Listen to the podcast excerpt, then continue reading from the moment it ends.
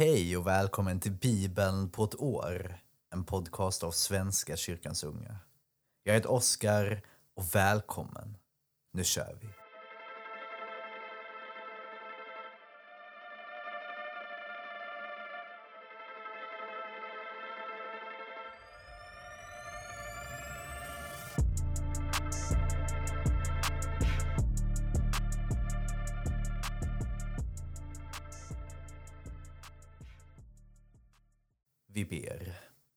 Tack Gud för idag. Tack för denna lördag. Äntligen helg igen. Var med oss idag och ge oss vila, Gud. Var med i dagens läsning i Jesu namn. Amen. Ja, då börjar vi med Första Samuelsboken kapitel 2, vers 22 till kapitel 4, vers 22. Eli var nu mycket gammal när han hörde hur hans söner behandlade israeliterna och hur de låg med kvinnorna som gjorde tjänst vid ingången till uppenbarelsetältet, sade han till dem, varför gör ni så? Överallt får jag höra om era ogärningar, mina söner, nu är det nog. Ni har dåligt rykte bland Herrens folk. Om en människa syndar mot en annan kan Gud medla. Men om någon syndar mot Herren, vem kan då medla? De lyssnade dock inte på sin far, ty Herren ville deras död. Men gossen Samuel växte upp och vann både Guds och människors gunst. Det kom en gudsman till Eli och sade, så säger Herren, för din släkt uppenbarade jag mig redan när de levde i Egypten som slavar hos farao. Och bland Israels alla stammar utvalde jag din släkt till att vara mina präster, stiga upp till mitt altare, tända offereld och bära fram efoden inför mig. Och åt din släkt gav jag alla israeliternas eldoffer. Varför missunnar du mig då det offer och de gåvor som tillkommer mig? Och varför ärar du dina söner mer än mig? Varför göder ni er med de bästa bitarna av allt som mitt folk Israel offrar? Därför säger Herren, Israels Gud, jag har en gång lovat din och din fars släkt att alltid få göra tjänst inför mig. Men nu förklarar jag att det ingalunda ska bli så. Jag ska ära dem som ära mig, men de som föraktar mig ska bli förnedrade. Det ska komma en dag då jag bryter din och din släkts livskraft så att ingen i ditt hus når hög ålder. Du ska se med avund på var och en som får vara till gagn för Israel och aldrig ska någon bli gammal i din släkt.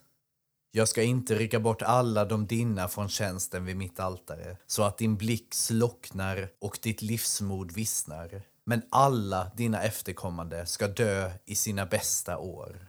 Det ett öde som drabbar dina söner Hofni och Pinechas ska bli tecknet för dig. På en och samma dag ska båda dö. Jag ska utse en trogen präst, en som handlar efter min håg och vilja, och hans släkt ska i obruten följd tjäna som präster inför kungen, min smorde. Alla som är kvar av din släkt ska då komma till honom och tigga om en slant och en brödkaka och be att få hjälpa till bland prästerna för att få något att äta. Den unge Samuel tjänade nu Herren under Elis uppsikt. På den tiden var det ovanligt att Herren talade till människor och profetsyner förekom sällan. Då hände en gång följande. Eli, vars ögon nu blivit så svaga att han inte kunde se, låg och sov på sin vanliga plats. Tempellampan var ännu inte släckt och Samuel låg och sov i Herrens tempel, där Guds ark stod. Då ropade Herren på Samuel. Här är jag, svarade han, och han sprang bort till Eli och sade här är jag. Du ropade på mig. Men Eli svarade, jag har inte ropat. Gå och lägg dig igen.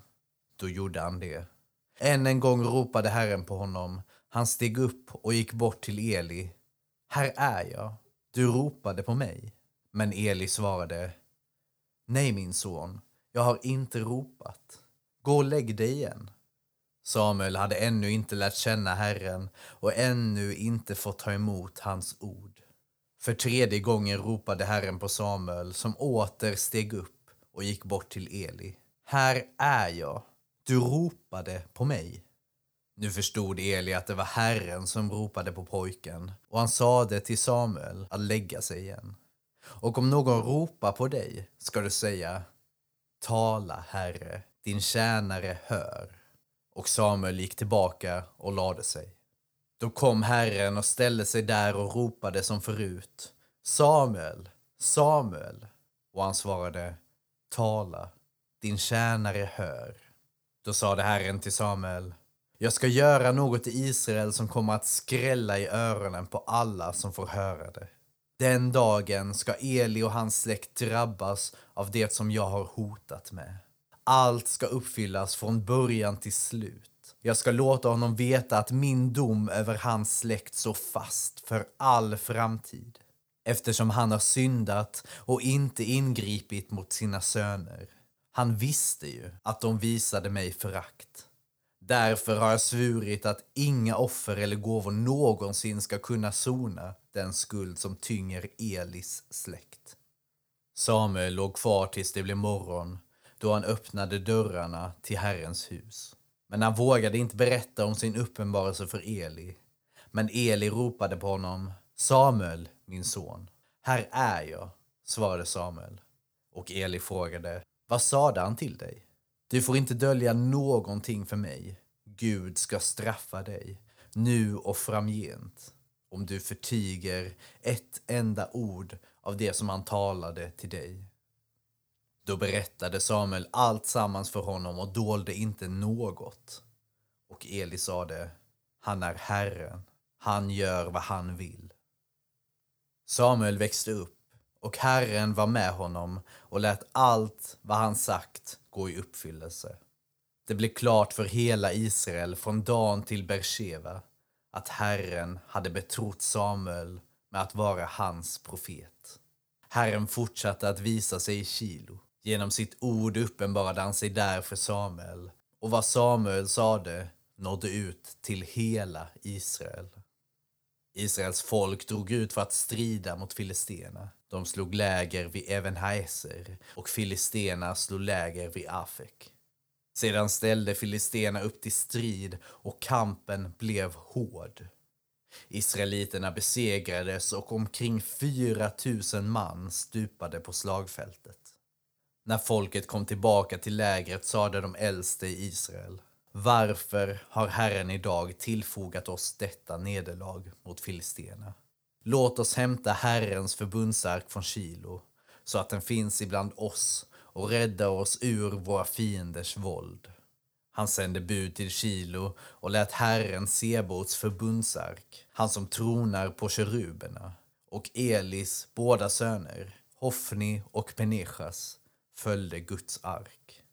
När Herrens förbundsark kom in i lägret höjde alla israeliterna ett jubelrop så att marken skalv.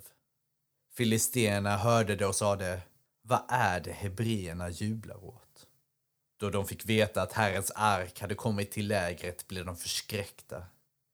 Deras Gud har kommit till lägret, ve oss, ropade de. Något sådant har aldrig förut hänt. Ve oss. Vem ska rädda oss undan denna väldige Gud? Han som slog egyptierna med alla slags plågor i öknen. Men fatta mod, filister, och visa er som män så att ni inte blir slavar under hebreerna, liksom de har varit under er. Kämpa nu som män. Så gick filisterna till angrepp och israeliterna blev slagna och flydde var och en hem till sig. Det var ett svårt nederlag. Israel förlorade 30 000 man i stupade. Guds ark tog som byte och Elis båda söner Hofni och Penechas blev dödade. En man ur Benjamins stam sprang från slagfältet till Kilo och kom fram samma dag.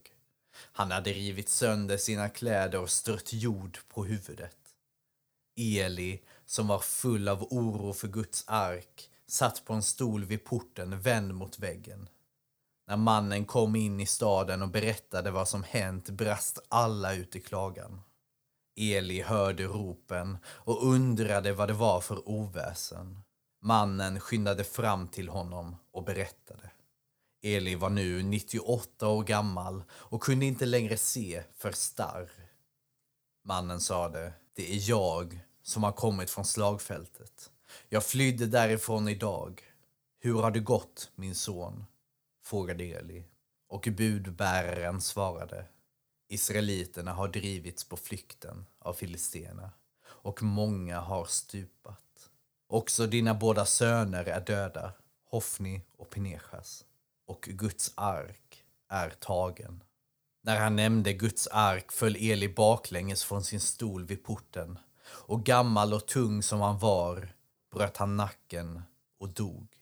I 40 år hade han då varit domare över Israel. Elis svärdotter Pinechas hustru väntade barn och skulle snart föda. Då hon fick höra att Guds ark var tagen och hennes svärfar och make döda kom verkarna över henne och hon kröp ihop och födde sitt barn. Hon var döende och kvinnorna som hjälpte henne sade Var lugn, du har fött en son. Men de svarade inte. Hon hörde inte på. Hon gav pojken namnet Ikavod. Ty, sade hon, härligheten har vikit från Israel. Hon tänkte på Guds ark som var borta och på sin svärfar och sin make och sade härligheten har vikit från Israel, ty Guds ark är borta. Alla dog på samma dag, som Herren sagt. Vi fortsätter i Johannes evangeliet, kapitel 5, vers 24 47. Sannerligen, jag säger er, den som hör mitt ord och tror på honom som har sänt mig, han har evigt liv. Han faller inte under domen utan har övergått från döden till livet. Sannerligen, jag säger er, den stund kommer, ja, den är redan här, då de döda ska höra Guds sons röst och de som hör den ska få liv. Ty liksom Fadern äger liv så har han också låtit Sonen äga liv. Och han har gett honom makt att hålla dom eftersom han är Människosonen. Var inte förvånade över detta. Den stund kommer då alla som ligger i sina gravar ska höra hans röst och gå ut ur dem. De som har gjort det goda ska uppstå till livet och de som har gjort det onda ska uppstå till domen. Av mig själv kan jag inte göra något. Som jag hör så dömer jag och min dom är rättvis. Ty jag följer inte min egen vilja utan hans vilja som har sänt mig. Om jag själv vittnar om mig är mitt vittnesbörd inte giltigt. Men det är en annan som vittnar om mig och jag vet att hans vittnesbörd om mig är giltigt. Ni har sänt bud till Johannes och han har vittnat om sanningen. Jag vill inte ha något vittnesbörd om mig från någon människa, men jag säger detta för att ni ska bli räddade. Johannes var en lampa som brann och lyste och en kort tid hänfördes ni av hans ljus. Men jag har fått ett starkare vittnesbörd än det Johannes gav. Ty de verk som Fadern har gett mig i uppdrag att fullborda, just de som jag utför, vittnar om att Fadern har sänt mig. Och Fadern som har sänt mig har själv vittnat om mig. Men ni har aldrig hört hans röst eller sett hans gestalt. Och ni har inte behållit hans ord eftersom ni inte tror på honom som har sänt. Ni forskar i skrifterna därför att ni tror att det kan ge er evigt liv. Just dessa vittnar om mig. Men ni vill inte komma till mig för att få liv. Människors ära vill jag inte ha. Men jag har förstått att ni inte har någon kärlek till Gud. Jag har kommit i min faders namn och ni tar inte emot mig. Men kommer någon i sitt eget namn så tar ni emot honom. Hur ska ni kunna tro, ni som vill bli ärade av varandra och inte söker äran hos den ende guden? Tro inte att jag ska anklaga er hos Fadern. Den som anklagar er är Mose, han som ni har satt ert hopp till. Om ni trodde på Mose skulle ni tro på mig, ty det var om mig han skrev. Men om ni inte tror på vad han har skrivit, hur ska ni då kunna tro på vad jag har sagt? Vi fortsätter i Salteren. Psalm 106, vers 1-12. Halleluja! Tacka Herren ty han är god. Evigt varar hans nåd. Vem kan beskriva Herrens storverk? Vem kan prisa allt han har gjort? Lyckliga de som ger akt på det rätta och alltid handlar rättfärdigt. Tänk på mig, Herre, när du visar nåd mot ditt folk. Ta dig an mig när du räddar dem. Låt mig känna dina utvaldas lycka och dela ditt folks glädje. Vara stolt att höra till dina egna. Vi har syndat som våra fäder. Vi har handlat orätt och brottsligt. Våra fäder i Egypten förstod inte dina under. De tänkte inte på allt gott du gjort utan trotsade den högste vid Sävhavet. Han räddade dem, sitt namn till ära, för att uppenbara sin makt. Han röt åt Sävhavet och det blev torr mark. Han förde dem genom djupen som genom en öken. Han räddade dem från deras motståndare, befriade dem från deras fiender. Vattnet dränkte deras förföljare, inte en enda blev kvar. Då trodde de på hans ord och sjöng hans lov. Och vi avslutar i Ordspråksbokens fjortonde kapitel, vers 30 och 31. Sinnesfrid ger kroppen hälsa. Lidelse är röta i benen. Att förtrycka de ringa är att smäda deras skapare. Ärar honom gör den som hjälper de fattiga. Ja, vi ska inte förtrycka Guds skapelse, utan vi ska lyfta upp varandra. Det tycker jag är viktigt. Det är en av sakerna jag tar med mig idag. Ha det fint och så ses vi imorgon igen. Guds frid. Se till att vila, ta hand om er. Hej då.